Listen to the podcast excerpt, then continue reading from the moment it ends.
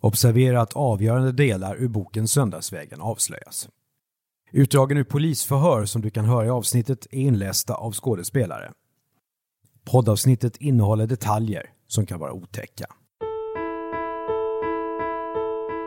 För att överhuvudtaget kunna få en kvinna och därigenom uppnå mitt livs största dröm och få möjlighet till en meningsfull utformning av livet måste jag i mitt fall begagna mig av en kriminell handling.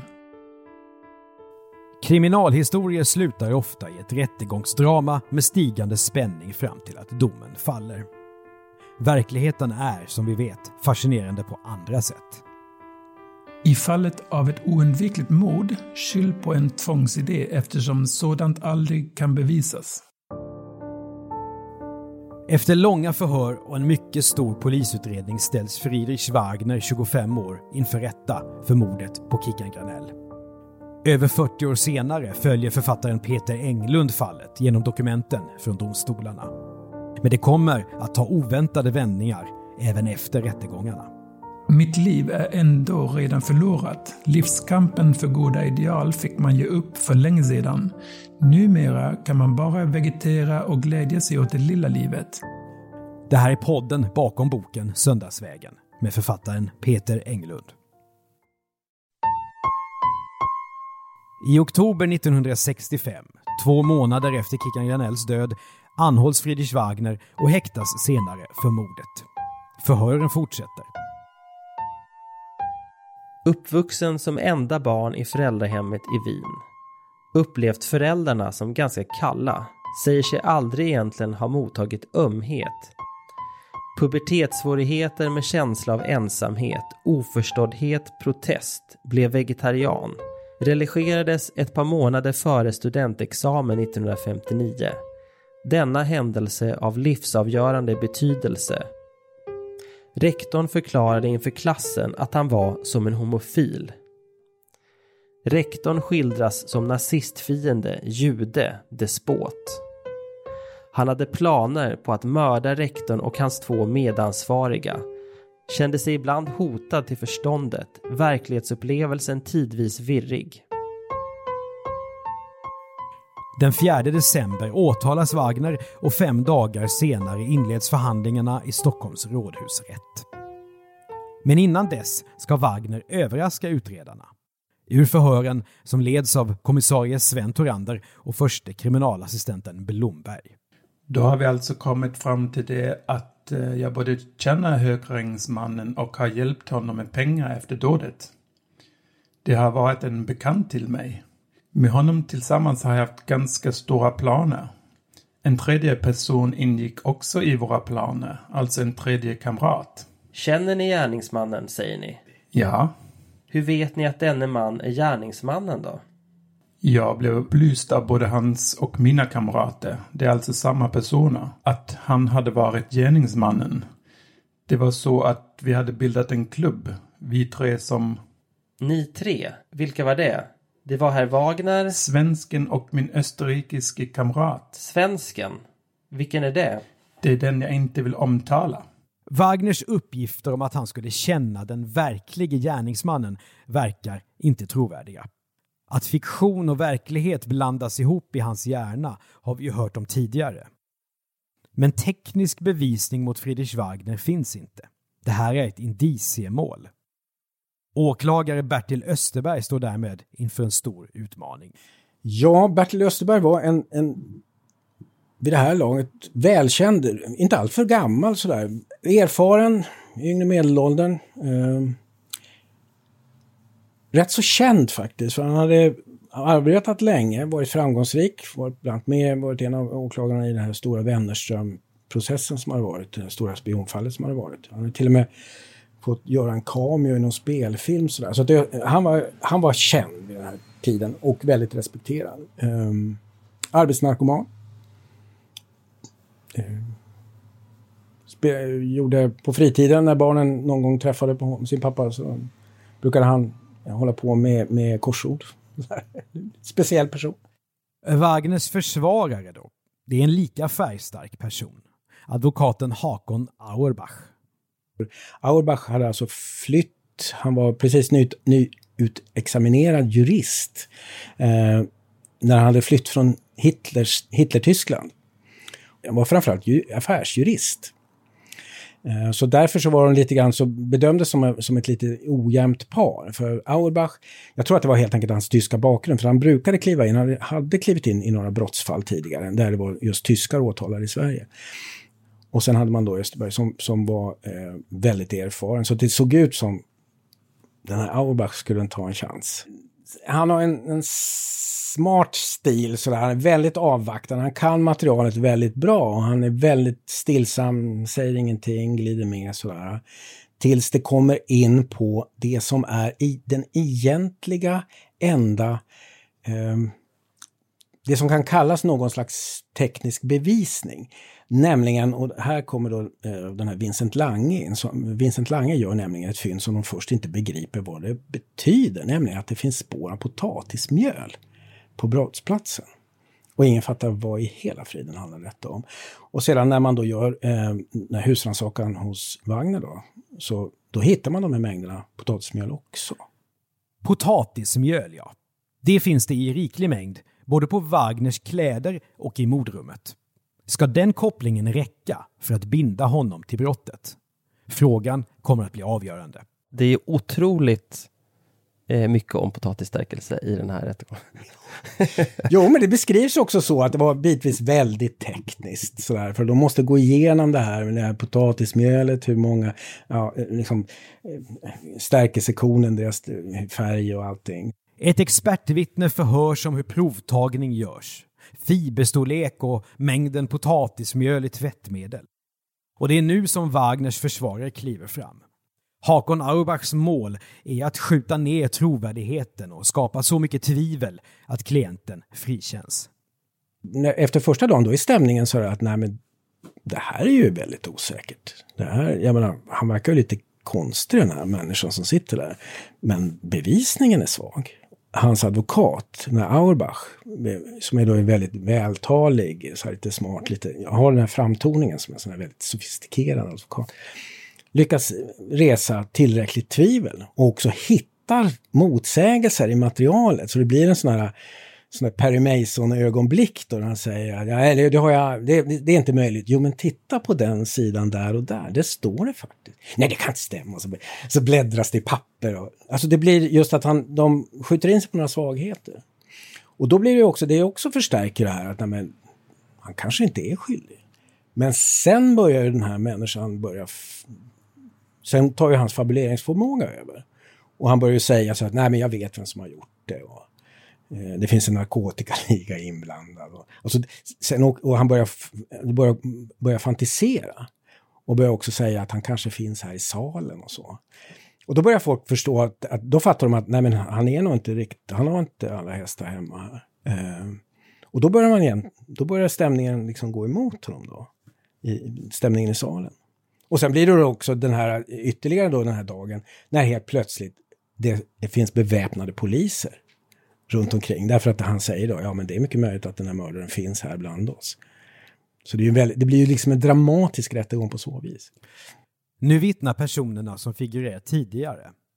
Som Wagners tidigare kollega Bojan, som han har försökt att söva med en drink, kanske för att våldta. Hypnos då? Ja, Hypnos eh, har vi talat om. Hur kom ni in på det ämnet? Det är ju ganska ovanligt. Ja, det var väl så att jag såg att han läste någonting om det i några böcker. Företog ni några experiment på det här området? Ja. Jag skulle sitta i en stol lite bakåtlutad i bekväm ställning då och så eh, satt Wagner och läste ur eh, hypnosboken. Skulle han alltså försöka då på något sätt att hypnotisera er? Var det avsikten? Ja, det var ju avsikten så att jag skulle lära mig. Har Wagner talat med er någon gång om eh, sitt förhållande till kvinnor? Nej, vi har aldrig diskuterat ämnet alls. Har ni sett om Wagner innehaft någon anteckningsbok eller gjort anteckningar någon gång? Mm, ja, det brukade herr Wagner göra. Mm, skriva i böcker. Vet ni vad han skrev för någonting? Nej, det vet jag inte. Därför att han skrev ganska smått så att jag kunde inte läsa det. Det finns ju de här anteckningarna som anses väldigt viktiga. Och som Fragner själv avfärdar som fantasier eller förarbeten till, till, sina, till en roman eller någonting. En av Peter Englunds källor, som också ingår i utredningen, är Wagners egna ord. En gigantisk dagbok av nedtecknade tankar. Idag hade det kanske varit spridda inlägg på ett nätforum. Wagner skriver om allt från hur man ska hantera sin privatekonomi till hur kvinnor fungerar. Och framförallt hur han tycker att de borde fungera. Inte ge ut några pengar, utan spara blott. Har man pengar på banken så spelar det också ingen roll om oväntade fordringar inkommer. Sollampor, polis etc. De enda löpande utgifterna är för närvarande saker för mina kläder. I de arabiska länderna kostar kvinnorna 10 000 kronor, även som slavinnor i Afrika. En enda kvinna räcker till för att tillfredsställa en människa. Framförallt är naturligtvis en mycket, mycket ung flicka att föredraga. Som man kan uppfostra och som framförallt är insmickrande. Dessutom har en ung flicka en fördel av att uppvisa sexuell styrka. Som historiker så har jag ju hållit på med en del rätt läskiga källor, obehagliga källor. Men vissa saker är rätt så obehagligt. Alltså just man, man förstår också att det är vissa sammanhang han är extra berusad, eller extra hög på amfetamin eller extra liksom besviken eller någonting. Och det blir det är sådana gräsliga saker han skriver då. Eh, det som är, det som är, man, det är en viss typ av tankar och människor vill man ju inte ha in i huvudet sådär. Så det har nog fungerat som en, som en slags spärr där. Jag vill inte ha in den här människan i mitt huvud. Bland alla sparade dokument som Peter Englund har skannat in och djupdykt i finns det annat som också sticker ut. Som ett märkligt brev som domaren Rådman Ågren får mitt under rättegången. 16 december 1965. Jag vill härmed meddela er i egenskap av domare i det så kallade Hökarängsmordet att jag har tillsänt den 25-årige österrikarens försvarsadvokat H. Auerbach visst material som rätt använt ställer målet i en helt ny belysning.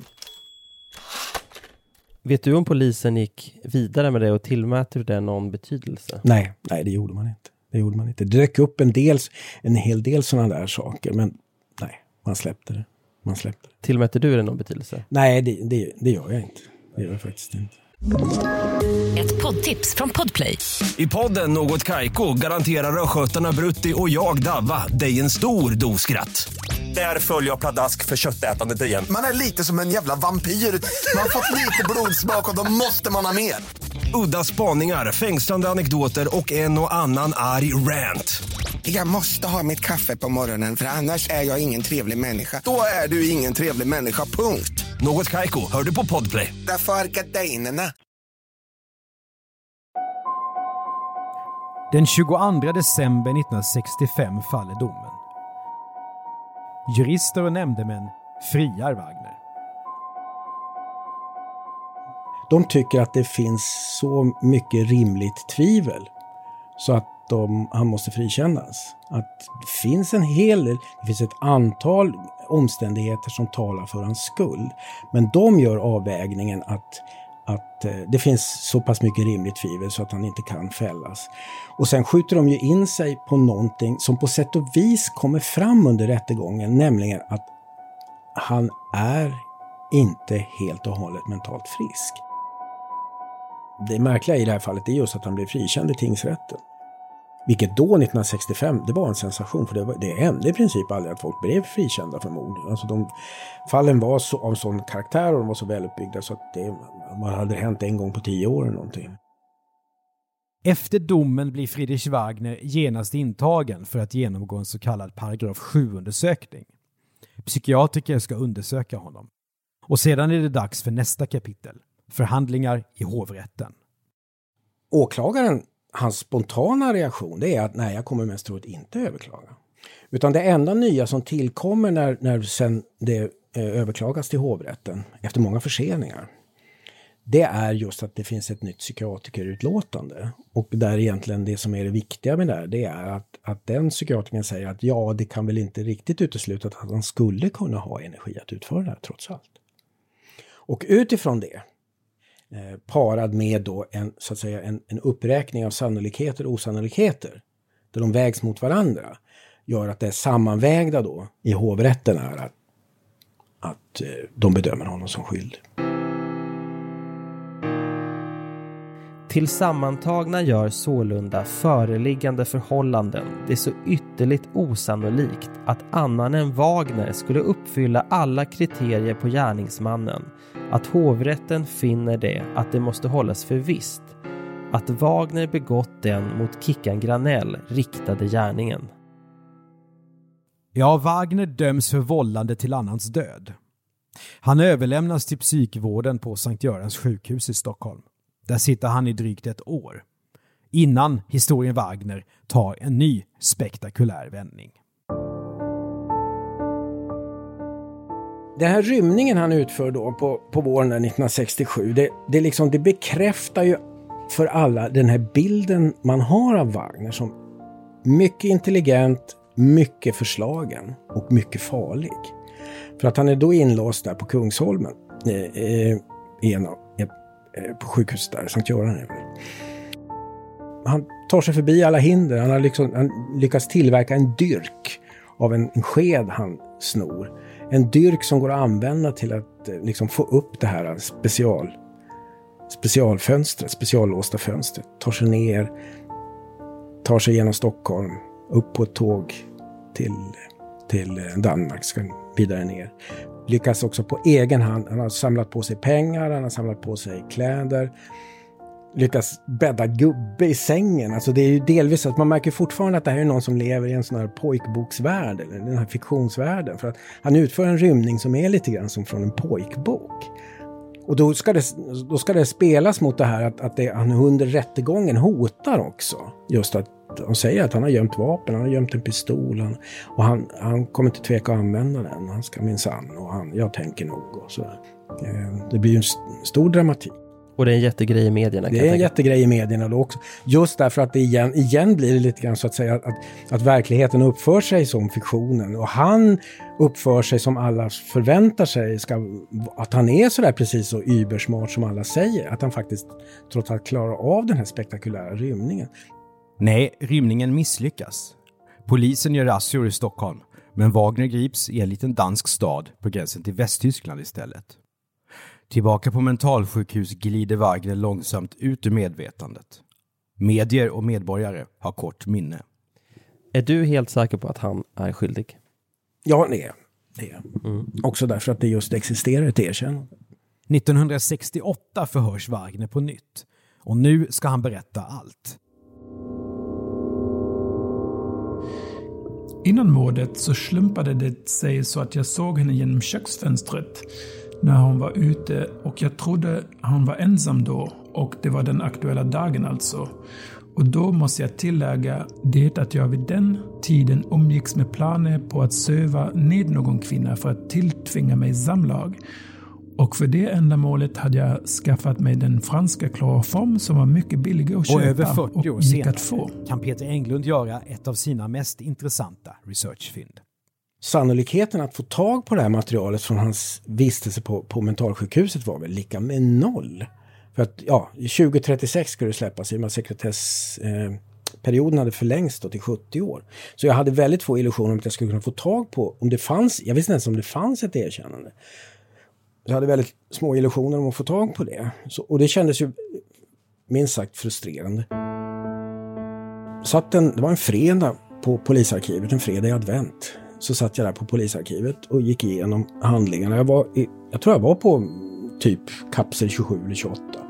Och i dem finns det då mappar med, i sin tur med material. Och sen var det en av de här mapparna som var lite trasig. Eh, och det här är också nästan för bra för att vara sant. Men det, var, det hände verkligen. Det var när det här hände som jag kände att det måste, jag måste ha med det här i boken. Jag måste ha ett metaplan bara därför i alla fall. Eh, så lyfte jag upp den här mappen och ut ur den så rasar den av papper i knät på mig och så ner från knät ner på golvet där jag sitter här på polisarkivet i det här rummet. Eh, och så när jag börjar ta upp det här pappret då ser jag att då står det där bandinspelning gjord på mm, förhör med Eh, och så börjar jag titta på det och, och det är alltså ett, ett utskrivet ord för ord förhör. Eh, och jag hinner inte läsa så långt så säger jag att det är den fulla bekännelsen. Och då fick jag det, håren reste sig på armarna på mig där. Och som, oj, wow. Så det fanns där. Det fanns, ja, det hade hamnat där i polispappren. Det här för, eh, erkännandet han gjorde på mentalsjukhuset.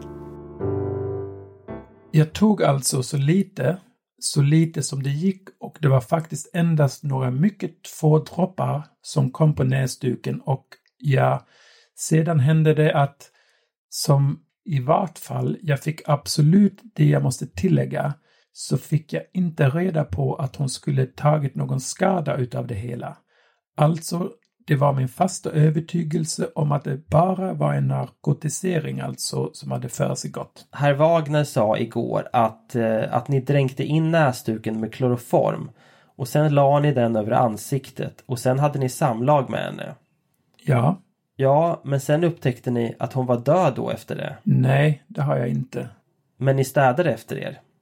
Ja, men det var för att avlägsna eventuella spår som kunde bevisa min identitet.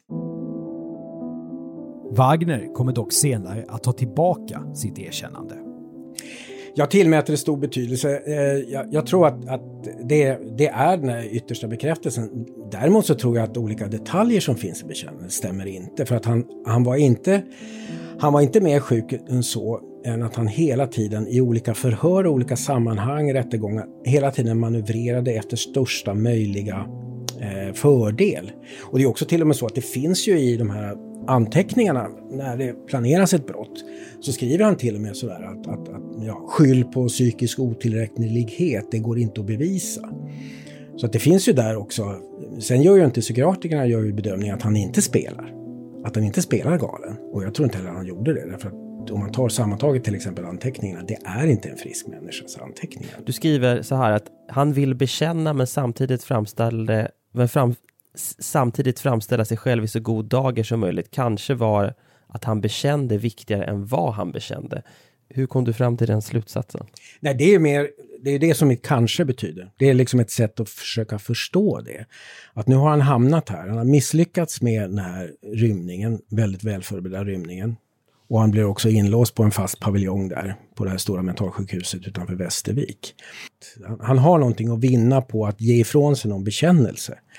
Men eh, den, den, den framställer honom som om ja, men, oh, det var mer att det var en olyckshändelse. Det var så lite kloroform och sådär. Och hon bara låg och sov och sånt. Alltså, och det är ju helt klart lögner, alltså om man ser utifrån obduktionsprotokollet. Det stämmer inte. Vad händer med honom efter att han lämnar Sverige? Ja, jag tappar intresset för honom givetvis. Nej, han, han, han hamnar på mentalsjukhus i Österrike istället. Han utvisas till Österrike och eh, hamnar på mentalsjukhus där. Och så vitt jag förstår så dör han också där på mentalsjukhus 2010. Så om han lämnar gränsen så är han ointressant. Så det, det som jag sa, det viktiga för mig är det här att han är intressant för mig som en typ, inte som en individ. Och han är, han är så att säga färdig där. I, I berättelsen, vad det gäller hans del av berättelsen, den är slut där. Han, han flygs ut med sina koffertar med kläder och väldigt snyggt klädd och sånt där. Flygs ut på ett specialchartrat plan ner till, till Wien. Eh, och där, där tappar jag intresset för honom. Alltså, och han dör där 2010, and that's it. Men är du som person nyfiken på till exempel om han har begått fler brott i Österrike? Nej, jag har inte tänkt så, men det är givetvis en intressant, det är ju en intressant fråga. Det är en intressant fråga, det är det. Men nej, nej. Det, jag vill inte om vi säger så här, jag vill inte dröja vid honom, inte en mening i onödan.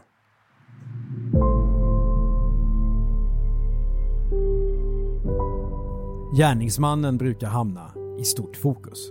Vem var han? Varför begick han brottet? Kunde någon ha stoppat honom? Varför gick det inte att fälla honom för mord? När domar fallit och historien så småningom ska återberättas av medier, true crime-böcker och tv-serier hamnar de som har drabbats ofta i skymundan. Men i arbetet med boken Söndagsvägen har Peter Englund ändå valt att stanna kvar vid offret, Kickan Granell, 18 år. När jag ser när jag ser hennes bild på, på boken så där, då, då, då tänker jag på det. Då tänker jag på det. Um, jag, det är väldigt olika impulser som går i mig. Det är, det är ju en av dem det är ju liksom att det här är ju en människa som har försvunnit. jag gjorde ett besök, jag åkte till Skogskyrkogården, i och med att hon finns ju i gravregistren, så åkte jag till Skogskyrkogården för att besöka hennes grav och upptäckte att graven är borta. Kickan Granells död har kallats för Hökarängsmordet, narkosmordet, kloroformmordet och Sveriges första flickmord. Fallet är bortglömt. När jag talade med människor som levde där samtidigt i området. Sånt där, och hur hon också börjat blekna bort där i deras minnen. Så att just att, att det här är en människa som har som aldrig fick leva sitt liv. Och som dessutom då har försvunnit ur levande minne. Det är som, det är som ingen som kommer ihåg henne. Så då, en del av det där det handlar om att påminna om någon sån där som, som har tillåtits att försvinna helt och hållet. Som togs sitt liv, berövade sitt liv alldeles för tidigt och sen har bara försvunnit. Glömts bort.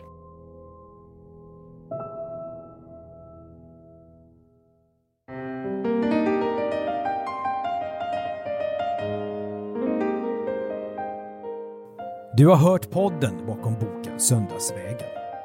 I nästa avsnitt berättar Peter Englund mer om hur han arbetar, från researchfas till skrivande. Och i Söndagsvägen får du hela historien. Om Friedrich Wagners uppväxt, rymningen som är som hämtad från en gammal äventyrsbok, Friedrich Wagners bisarra artikel i tidningen FIB Aktuellt, när Wagner försöker annonsera efter en kvinna i Dagens Nyheter och inte minst Peter Englunds möte med Kickans väninna Lillan. Boken Söndagsvägen är utgiven av Natur och kultur.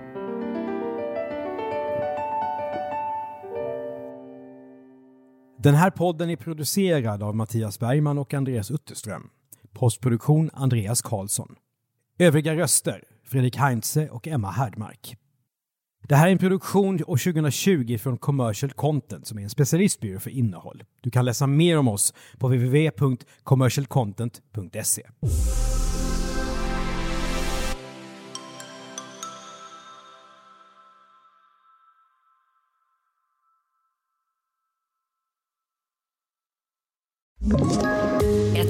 poddtips från Podplay. I fallen jag aldrig glömmer djupdyker Hasse Aro i arbetet bakom några av Sveriges mest uppseendeväckande brottsutredningar. Går vi in med hemlig telefonavlyssning och, och då upplever vi att vi får en total förändring av hans beteende. Vad är det som händer nu? Vem är det som läcker? Och så säger han att jag är kriminell, jag har varit kriminell i hela mitt liv men att mörda ett barn, där går min gräns. Nya säsongen av Fallen jag aldrig glömmer på Podplay.